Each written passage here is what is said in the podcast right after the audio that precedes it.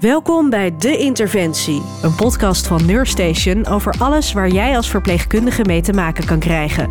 Ik ben Rebecca Looyen en vandaag ga ik in gesprek met praktijkverpleegkundige Nancy Bouwman. Zij werkt op een zorglocatie voor asielzoekers en vertelt hoe het is om zorg te verlenen aan deze doelgroep. We praten over de cultuurverschillen die zij tegenkomt, hoe de zorg voor asielzoekers precies geregeld is en waar jij op moet letten als je ooit met deze zorgvrager te maken krijgt. Dag Nancy. Dank dat ik hier bij jullie mag aanschuiven om te gaan praten over het werk dat jullie doen, namelijk zorg verlenen aan asielzoekers. Kan jij eerst eens even vertellen vanuit welke rol jij dat doet? Ja, ik werk hier als plichtkundige in een huisartsenpraktijk met asielzoekers in een klein team. En hoe is de medische zorg voor asielzoekers in Nederland eigenlijk geregeld? Eigenlijk moet je het zo zien, zodra asielzoekers Nederland binnenkomen en zich aanmelden, krijgen ze ook eigenlijk meteen een, een zorgpas. Dus ze hebben ook meteen een zorgverzekering. Dat loopt via de RMA, de regeling medische zorg asielzoekers. En op alle aanmeldcentra, op alle locaties waar men ook maar naartoe gaat, zitten um, huisartspraktijken die de zorg verlenen aan de asielzoekers. Dus echt los ingerichte praktijken. Je gaat niet zomaar bij de lokale huisarts die hier toevallig uh, drie straten verderop zit, zeg maar. Nee. Nee, daar kunnen ze niet naartoe. Ja, tenzij uh, hoge spoed of in overleg. Mhm. Maar nee, mensen komen gewoon in de huisartspraktijk op locatie. En ja, er zijn ook een aantal satellietlocaties. Moeten ze soms naar een andere plek. Maar allemaal wel binnen de uh, eh, GZA. Dus binnen gezondheidszorg voor asielzoekers. Ja, dus echt los ingeregeld. Ja, hoe zit dat dan als iemand meer zorg nodig heeft, zeg maar, dan alleen bij de huisarts? Ga je dan wel gewoon naar het ziekenhuis? Ja, het werkt verder uh, hetzelfde als in een reguliere praktijk. Mensen worden hier door een doktersassistent of een verpleegkundige gezien, zo nodig, eventueel ook door de huisarts. Mocht hij uh, um, denken dat iemand verwezen moet worden naar een specialist of ja, bloed moeten prikken of, of wat dan ook maar, dan wordt dat gewoon geregeld. Mensen gaan vanuit hier gewoon naar het ziekenhuis. En dan kom je wel dus in de reguliere zorg. Zeker. Ja, precies. Jij werkt dus in een vaste praktijk puur voor asielzoekers. Ja. Um, eigenlijk gewoon volgens mij verder, ook als ik hier omheen kijk, gewoon zoals het bij mij bij de huisarts gaat. Ik denk het wel. We hebben de praktijken in principe goed ingericht. We hebben alles eigenlijk wat we nodig hebben om gewoon zorg te verlenen. Ja. ja. En hoe werkt dat dan precies? Want ja, jullie spreken natuurlijk ook mensen die nou niet dezelfde taal spreken. Ja, alleen, al, alleen al dat. Nee, nee, precies. Alleen al dat lijkt me best een uitdaging. Ja, is zeker een uitdaging. Vond ik in het begin ook heel spannend. Maar ik merk nu wel dat het um, eigenlijk goed loopt met tolken. We kunnen echt ad hoc tolken inbellen. Mm -hmm. uh, we hebben allemaal een, een, code, zeg maar. Dus je kunt online uh, je aanmelden en we krijgen dan een code. Ik kan dan meteen bellen. En in principe heb je idealiter binnen vijf minuten wel een, een tolk aan de lijn. Soms duurt het wat langer als het echt te lang duurt of het is geen tolk beschikbaar. Sommige talen zijn gewoon lastig um, of hebben weinig tolken. Mm -hmm. Dan laat ik iemand terugkomen en ga ik een tolk reserveren. Dat kan ja. ook. Want wordt dat dan niet al afgekaderd bij het maken van een afspraak? Want bij jullie maak je, je loopt hier niet zomaar binnen, toch? Jawel. Er is oh, okay. iedere ochtend um, tussen 9 en 10 een inloopspreekuur. Daar kunnen mensen gewoon vrij naartoe. En dan precies. wordt eigenlijk al een triage door de doktersassistent. En ja, dit is een grote locatie, dus wij doen uh, als verpleegkundige ook vaak mee met het inloopspreekuur. Mm -hmm. Dan bekijken we al of iemand gewoon op dat moment al met zelfzorgadviezen bijvoorbeeld uh, voldoende geholpen is. Mm -hmm. Of dat er een afspraak gepland moet worden. En inderdaad, soms als ik denk, oeh, met name bepaalde Afrikaanse talen die uh, zijn soms moeilijk om aan het tolk te komen, dan maak ik vast een afspraak. Ja. Meestal voor de volgende dag, want je moet dan wel uh, 24 uur, geloof ik, van tevoren een tolk Iets reserveren. Boeken, ja. ja. precies. En als we het dan even hebben over ja, de groep asielzoekers waar jullie zorg voor verlenen. Mm -hmm. Hoe ziet die eruit? Wat voor mensen zijn dat? Waar komen ze vandaan? Nou ja, zoals je ziet hebben wij hier, um, zitten we hier aan de kade. Dus we ja. hebben hier een zestal uh, cruiseschepen. Oké. Okay. Um, dat klinkt trouwens heel luxe en fancy. maar dat als je naar buiten kijkt, zijn dat eigenlijk gewoon schepen waar ja, ook slaapkamers op zijn. Maar ja, nee, nee het zijn zit geen zwembad bovenop. Geen, uh, geen vijf sterren cruiseschepen, maar het, is, het zijn gewoon nette schepen met kleine kamers. Ja. Um, twee uh, personen per kamer. Dat betekent wel, zorgverlenen op een cruiseschip, dat hier dus geen uh, kinderen mogen verblijven mm -hmm. in verband met de veiligheid. Dus er zijn ook geen gezinnen. Dus er zijn ook weinig vrouwen. Dus we hebben hier wel te maken met een, uh, vooral een populatie mannen. En ook alleenstaande vrouwen of echtparen zonder kinderen. Ja, maar overwegend mannen, ja. Oké, en je hoort natuurlijk dat, dat de afgelopen jaren zijn er veel Oekraïners naar Nederland gekomen. Zitten die hier dan bijvoorbeeld? We hebben hier um, naast deze zes schepen liggen ook nog twee schepen voor Oekraïners. Okay. Maar die zorg wordt niet door GZA verleend, die okay. wordt door de gemeente uh, verleend. Die vallen niet onder ons, die vallen onder de gemeente. En die moeten zorgen voor een huisarts die daar de zorg verleent. Dus wij hebben hier op dit moment veel mensen uit Syrië, veel um, uit Afrikaanse landen, Somalië, Eritrea. Volgens mij op dit moment een beetje de grootste populaties. Mhm. Ja. Zijn er dan eigenlijk ook ziektebeelden die jullie bij deze doelgroep extra vaak tegenkomen uh, versus wat je in de reguliere zorg voor Nederlanders hebt? Um, ja, ik denk dat ik nog nooit zoveel mensen gezien heb met um, maag-darmklachten vanuit veel Afrikaanse landen ook wel vaak uh, een bepaalde bacterie die we op zich allemaal wel, wel bij ons dragen in onze maag, maar die daar bij hen echt klachten veroorzaakt. En dan heb je het echt over maagzweertjes, dus veel maagpijn. Dus daar zijn we wel heel alert op als mensen ja, herhaaldelijk komen. Ik heb last van mijn buik, dan gaan we toch wel testen. Maar hoe kan dat dan, um, dat zij daar zoveel meer last van ja, hebben? je ziet wel dat dat toch wel met uh, bepaalde hygiënische omstandigheden okay. te maken heeft. Um, mensen uit lagere sociale klassen zie je dat uh, die er vaak ook meer klachten van, uh, van krijgen. Jij en ik hebben waarschijnlijk die bacterie misschien wel, maar zullen daar minder, minder last van hebben. Ja. Ook minder toegang hè, tot gewoon goede zorg, minder toegang tot medicijnen in het land van uh, herkomst. Ja. Zijn er verder nog dingen die je vaak tegenkomt? Ja, uiteraard heel veel psychosociale problematiek. Ja. Um, mensen die toch wel klachten hebben die we niet helemaal goed kunnen duiden en maar terug blijven komen en dan wordt de klachten weer iets anders. En als je mensen vaak terug ziet komen, ja, dan zijn we wel alert op vragen van goh, um, is er ook soms iets anders aan de hand? Hè? Want ik zie dat je vaak terugkomt met hoofdpijn, pijn in je knie, pijn in je maag, pijn in je rug. Pijn, hè? Speelt er iets? Is er iets anders? Veel asielzoekers vinden het moeilijk om te vertellen dat ze uh, het moeilijk hebben. Dat ze verdrietig zijn, mm -hmm. dat ze bang zijn misschien, uh, angstig. Um, veel hebben familie nog in het thuisland, maken zich zorgen daarover, voelen zich heel verantwoordelijk, zitten hier toch in een veilig land. Ze hebben natuurlijk ook wel wat meegemaakt, hè?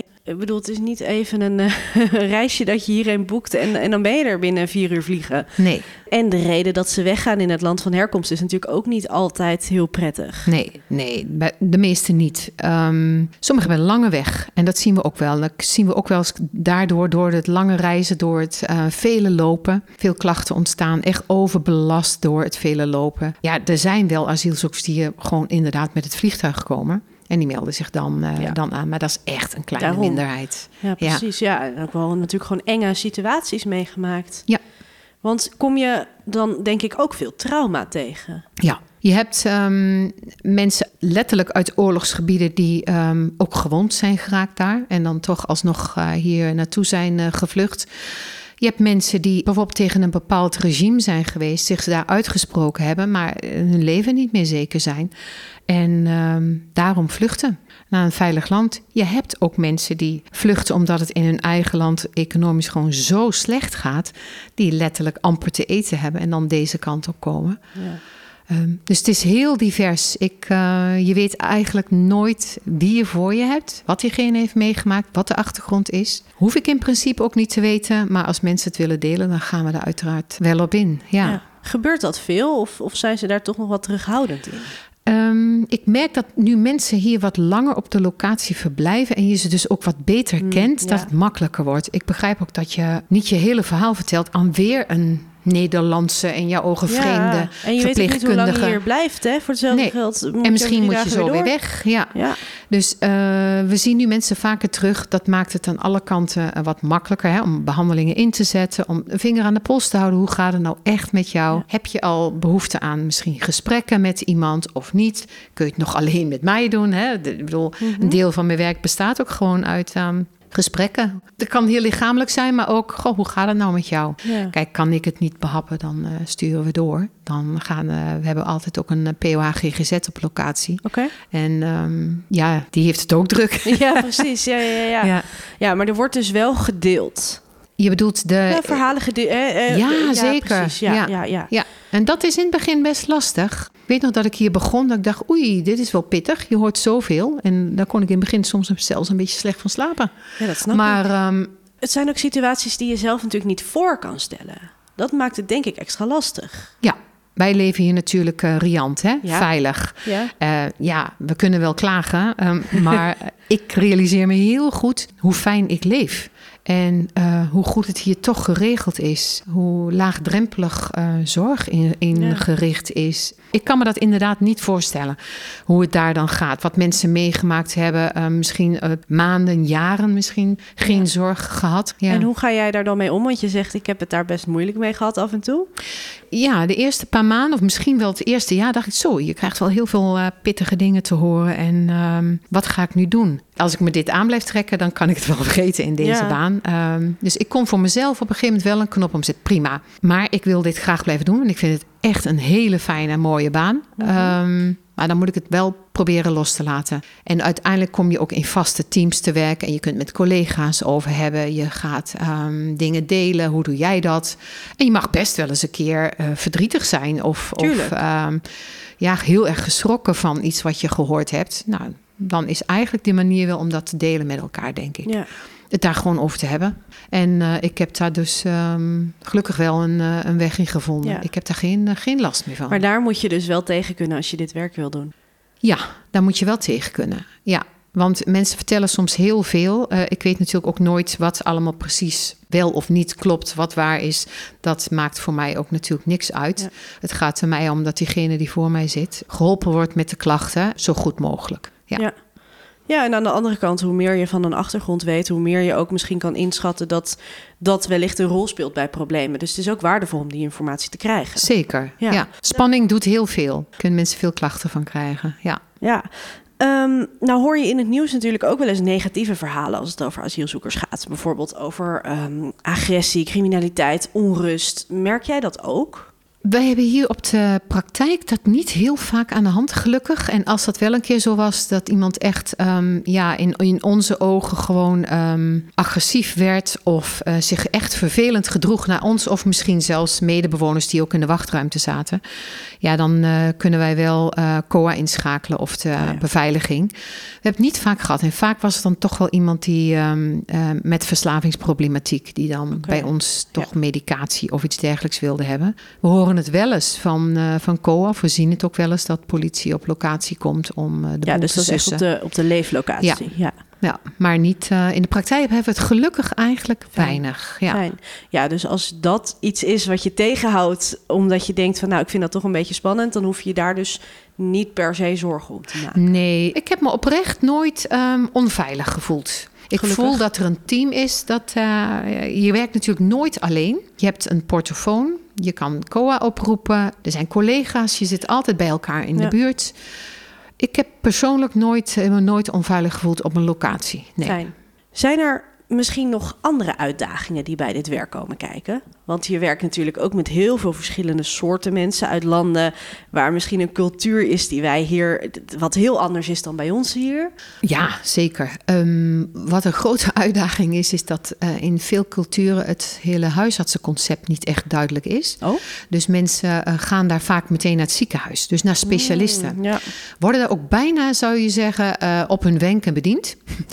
Krijgen okay. onderzoeken, ja, wij zouden zeggen, nou overdreven. Mm -hmm krijgen ook heel vaak meteen medicatie. Wel, in Nederland is wel een beetje de tendens, uh, nou, je mag ook best eens ziek zijn. Je ja. hoeft niet per se meteen medicatie te hebben. We zijn uh, voorzichtig. maar even een paar dagjes aan. Precies, ja. met het voorschrijven. Kijk, een griep hoef je niet per se iets voor te hebben. Daar zijn ze vaak wel gewend om meteen antibiotica te oh, krijgen. Echt? Oh, wauw. Ja. En dat doen wij niet. We schrijven het ook niet voor. Maar dat geeft wel wat frictie. Geeft soms ook flink ja. wrijving.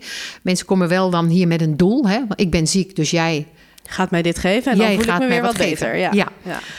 Dus een, een, groot deel is ook wel voorlichting. Hoe het er hier in Nederland uh, uitziet ja. qua gezondheidszorg. Wat wij wel of niet doen. En ook vooral wat in Nederland wel en niet kan. Het is niet dat ik bepaalde dingen niet wil, maar het, het, het hoort gewoon niet. Het kan niet. Nee. En is daar begrip voor of uh, zorgt dat toch wel voor discussies? Um, ja, dat wisselt. Uh, soms is daar begrip voor. Als je het, ja, ik leg het volgens mij iedere keer een beetje op dezelfde manier uit. De een is daar ontvankelijker voor dan de ander. Mm -hmm. Geeft soms ook discussie. Ja, ja, dat mensen het er niet mee eens zijn en dan toch wel proberen te krijgen wat ze graag maar willen. Maar ook omdat ze dat natuurlijk gewend zijn. Dus eigenlijk is het niet gek dat iemand dat doet als je dat gewend bent vanuit jouw situatie. En het is natuurlijk nu heel makkelijk. De wereld is klein geworden met internet. Dus mensen komen ook vaak um, met appjes, met foto's van artsen uit het land van herkomst. Nou, mijn arts mijn daar arts zegt. ja.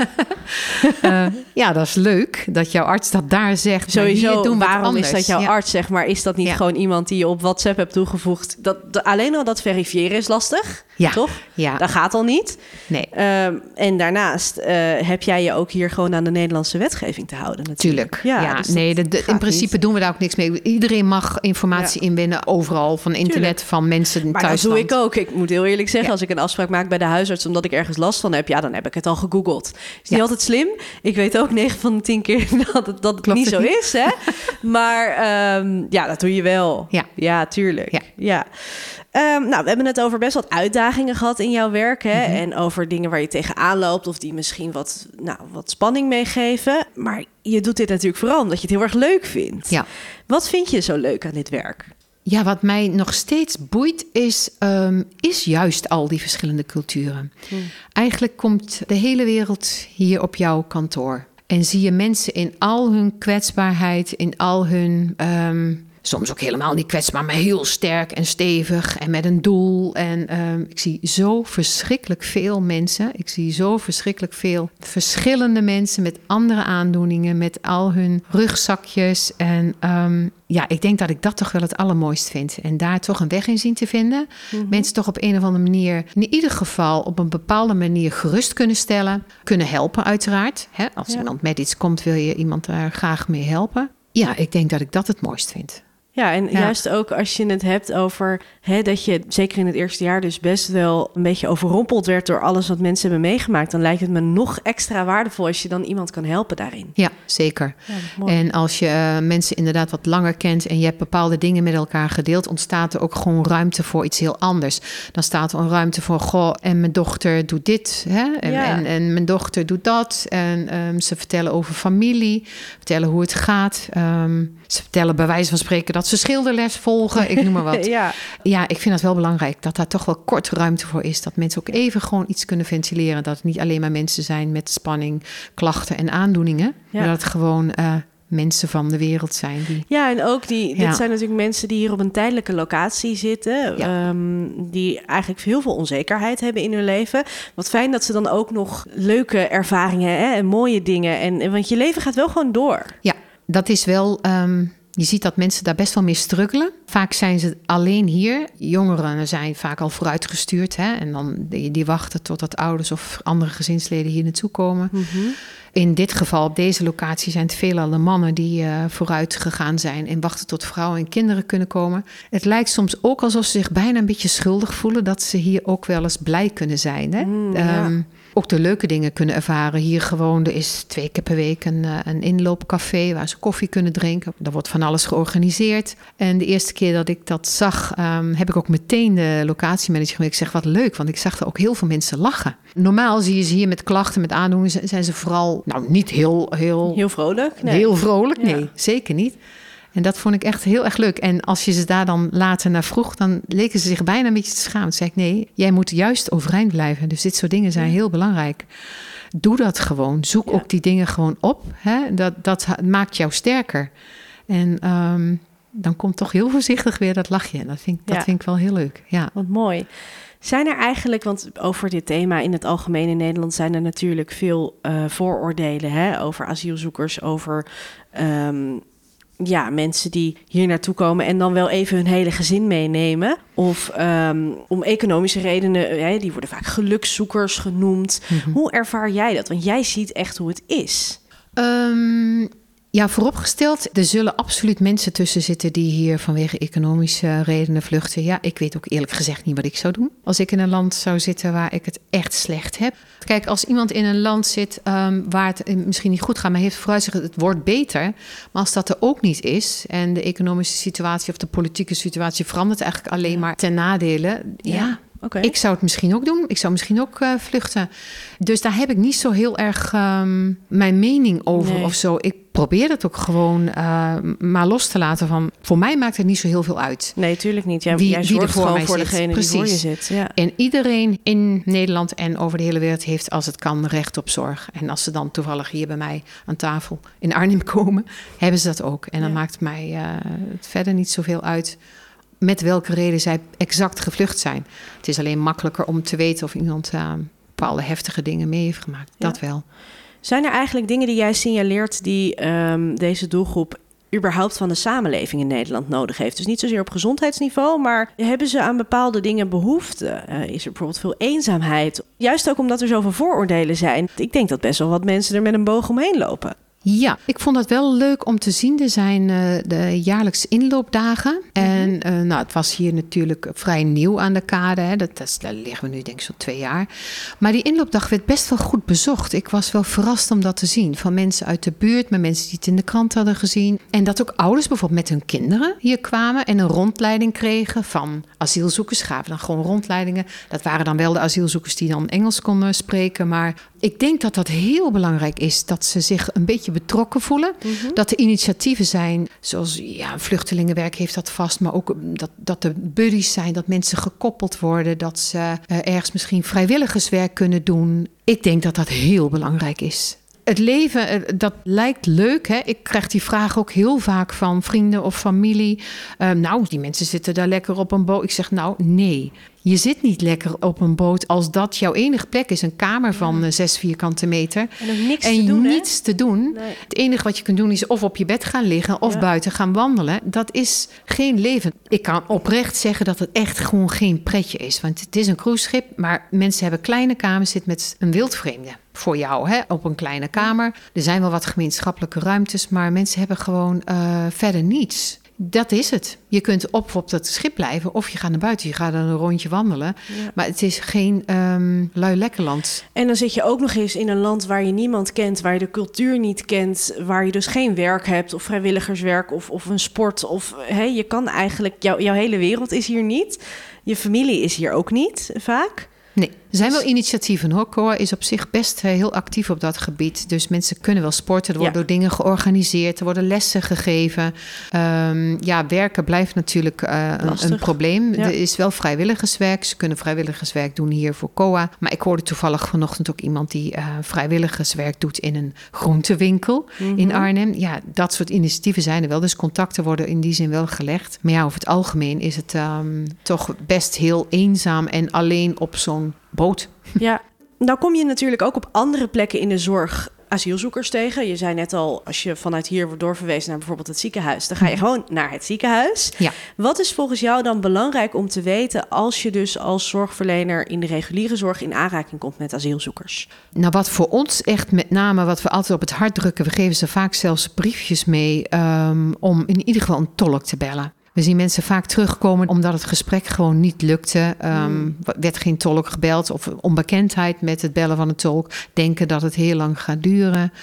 Dat is denk ik het belangrijkste. En geen kinderen laten tolken. Kinderen spreken vaak ehm, snel Nederlands. Maar dat is eigenlijk niet de bedoeling dat kinderen voor volwassenen de volwassen problematiek gaan vertolken. Dat is niet, eh, niet de bedoeling. Nou hebben wij hier weinig kinderen, maar, eh, of eigenlijk helemaal geen kinderen. Maar we hebben ook wel 18-jarigen. En zelfs voor 18-jarigen is het best pittig om voor moeder te vertalen wat er met haar allemaal aan de hand is. Ja, en moeder gaat misschien ook niet alles vertellen dan. Nee, nee. Ja. dus dan sla je de plank gewoon mis. Bel gewoon een onafhankelijke tolk, die zijn daarvoor. Ja. En wat mij betreft mag ook de terugkoppeling of het contact zoeken met ons, omdat we mensen toch iets beter kennen, ook nog wel wat meer. Dus spreek ik mensen bijvoorbeeld van het ziekenhuis of een diëtist of een fysiotherapeut, dan laten we altijd wel onze overleglijn van de locatie achter. Ja. Zijn er echt onduidelijkheden? Neem even contact op. Of weet je niet hoe iets werkt? Bel even. Ja. Ja. Ja, dus het is eigenlijk heel simpel. Eigenlijk heel simpel, Ja. ja, maar toch nog vrij onbekend. Ja. Ja. En ehm, qua omgang met bijvoorbeeld andere culturen, heb je daar nog tips voor? Volgens mij is er eigenlijk maar één woord: respect. Zowel naar ons als wij naar hen. Kijk, ik kan het met een aantal dingen misschien van andere culturen niet eens zijn. En dat zullen zij naar ons ook hebben. Maar ik zorg wel dat ik gewoon objectief blijf, zolang ze mij ook gewoon met respect blijven behandelen. Ja. En je merkt dat het in bepaalde culturen ehm, moeilijk is om bepaalde eh, zaken te duiden. Hè? Dat bijvoorbeeld sommige Afrikaanse mensen uh, heel erg naar hun buik wijzen, maar misschien last hebben van hun rug. Ik, ik noem oh. maar wat. Het duiden van bepaalde aandoeningen kost wel best even wat energie voordat je echt helder hebt wat is hier nou precies aan de hand. Of ik heb last van mijn arm, maar dan blijkt daar gewoon een, een duim te zijn. Je moet heel goed uitvragen triage is echt heel belangrijk. Wat is er nou precies? En je gaat zelfs wijzen, je gaat plaatjes laten zien, zodat het voor jou, voor mij dan in dit geval helder is. Waar zit de klacht precies? Iemand kan ehm, misschien denken, nou dat heb ik toch heel goed uitgelegd, maar dat het voor ons in onze cultuur heel anders overkomt. Ja, dus wij vertellen veel gedetailleerder. Ja, wij zijn daar misschien, uh, ja, wij zijn er anders in. Ja, dat zou kunnen. En dat kunnen heel veel andere mensen ook hoor, maar um, dan merken we wel, ja, dat daar verschillen in zitten. Dat je daar alert op moet zijn. Dat het niet per se uh, dan dus inderdaad die buik hoeft te zijn, maar dat het misschien uh, iets heel anders is. En dat kan natuurlijk voor een hoop misverstanden zorgen. Ja. ja. Hey, als er nou een verpleegkundige is die luistert, die denkt van... hé, hey, dit lijkt me eigenlijk ook wel wat. Uh, ik zou best wel graag willen werken bij GZA. Kan je dan gewoon zomaar solliciteren? Of moet je daar wel echt bepaalde kwaliteiten voor in huis hebben? Hoe zit dat? Nou, ik denk dat in principe alle verpleegkundigen of, of wel kunnen uh, solliciteren, mits zij um, wel openstaan inderdaad voor andere culturen. Dan zou ik zeggen, ja, zeker doen. Het verrijkt wel enorm. Ik heb in allerlei takken van sport in de zorg gewerkt. Dit is by far de meest veelzijdige. Waar ik in een ziekenhuis vooral op een afdeling werkte met bijvoorbeeld neurologische aandoeningen. Hier zie ik echt alles. Op een vaste locatie zie je zelfs van baby's tot ouderen. En met alle aandoeningen, ziektebeelden die daarbij horen. Dus dat is wel heel, uh, heel afwisselend. Ja. inclusief aandoeningen die wij al lang niet meer hebben of amper meer zien. Hè? Heb je daar een voorbeeld van, van dingen die je hier niet tegenkomt in Nederland, maar die jullie dus wel zien? Nou ja, wij zien bijvoorbeeld ook wel weer uh, mensen met TBC. Dat maakt mij dan ook weer, uh, houdt mij ook scherp dat ik mensen met langdurige hoestklachten, um, die mogelijk misschien een medische intake of een screening gemist hebben, uh, dat we daar alert op blijven van hé, hey, wacht eens eventjes, misschien moeten we daar toch nog eens even naar laten kijken. Ja, dat vond ik toch wel shocking. Dat we dan in Nederland ook weer TBC hebben. Ja, en dat was met veel uh, aandoeningen. Uh, koorts, hè? knokkelkoorts, al dat soort aandoeningen. Malaria, mensen die hier malaria hebben. Ja, dat zie je hier normaal gesproken niet snel. Nee. nee. nee. En naast dus die veelzijdigheid van jouw werk is denk ik ook een groot voordeel dat jij volgens mij best wel regelmatig werkt voor zorgbegrippen. ja, het is binnen kantoortijden. Ja. Heel fijn. Ja, het is heel goed te combineren natuurlijk. Ik was ook uh, heel eerlijk gezegd daardoor in eerste instantie ook getriggerd dat ik denk, oh ja, ik was de onregelmatigheid wel beu. Ja, dit is fijn. Van half negen tot vijf. Er wordt uiteraard wel een uh, zekere flexibiliteit verwacht. Um, is niet zo dat je altijd per se op één locatie blijft. Dus je moet ook wel bereid zijn om eens in, op een andere locatie mm -hmm. in te mhm. vallen. Maar volgens mij is dat uh, geen probleem. Nee. Nou, dat is toch een mooi voordeel. Ja. En zijn er dan ook nog dingen wat je qua karakter in huis moet hebben? Want we hebben het natuurlijk al gehad over dat je best wel wat verhalen hoort. Dat je daar wel tegen moet kunnen. Zijn er nog andere dingen die je wel een beetje moet hebben als je dit wil doen?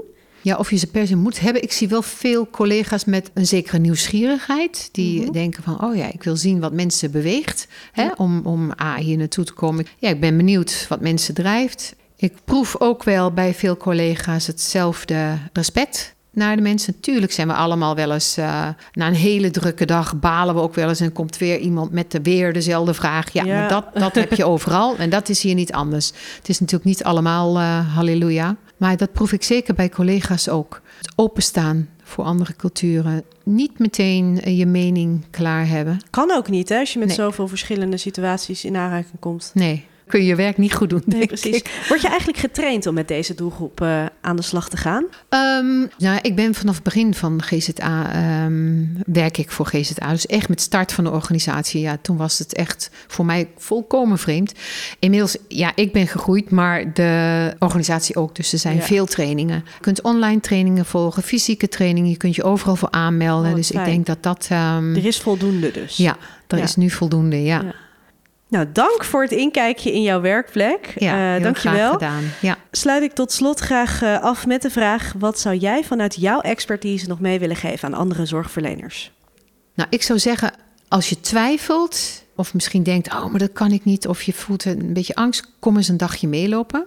Dat kan altijd. Je kunt je altijd melden bij GZA en je kunt zeggen: Goh, ik heb belangstelling, maar ik weet niet hoe dat eruit gaat zien. Als je echt wil werken binnen regelmatige tijden, met een ongelooflijk interessante doelgroep, met hele fijne, over het algemeen hele fijne, gemotiveerde collega's. En je ziet mensen echt op het meest kwetsbare uh, deel van hun leven, dan, ja, dan zou ik zeggen: probeer het gewoon.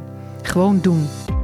Je luisterde naar De Interventie, een podcast van Nurstation. Wil je meer weten over bijzondere werklocaties of andere vakverhalen lezen? Kijk dan op nurstation.nl. Volgende maand zijn we er weer. Dan duiken we in de wereld van de kindergeneeskunde. Vond je deze aflevering nou interessant? Laat dan vooral een review achter en deel hem met je collega's.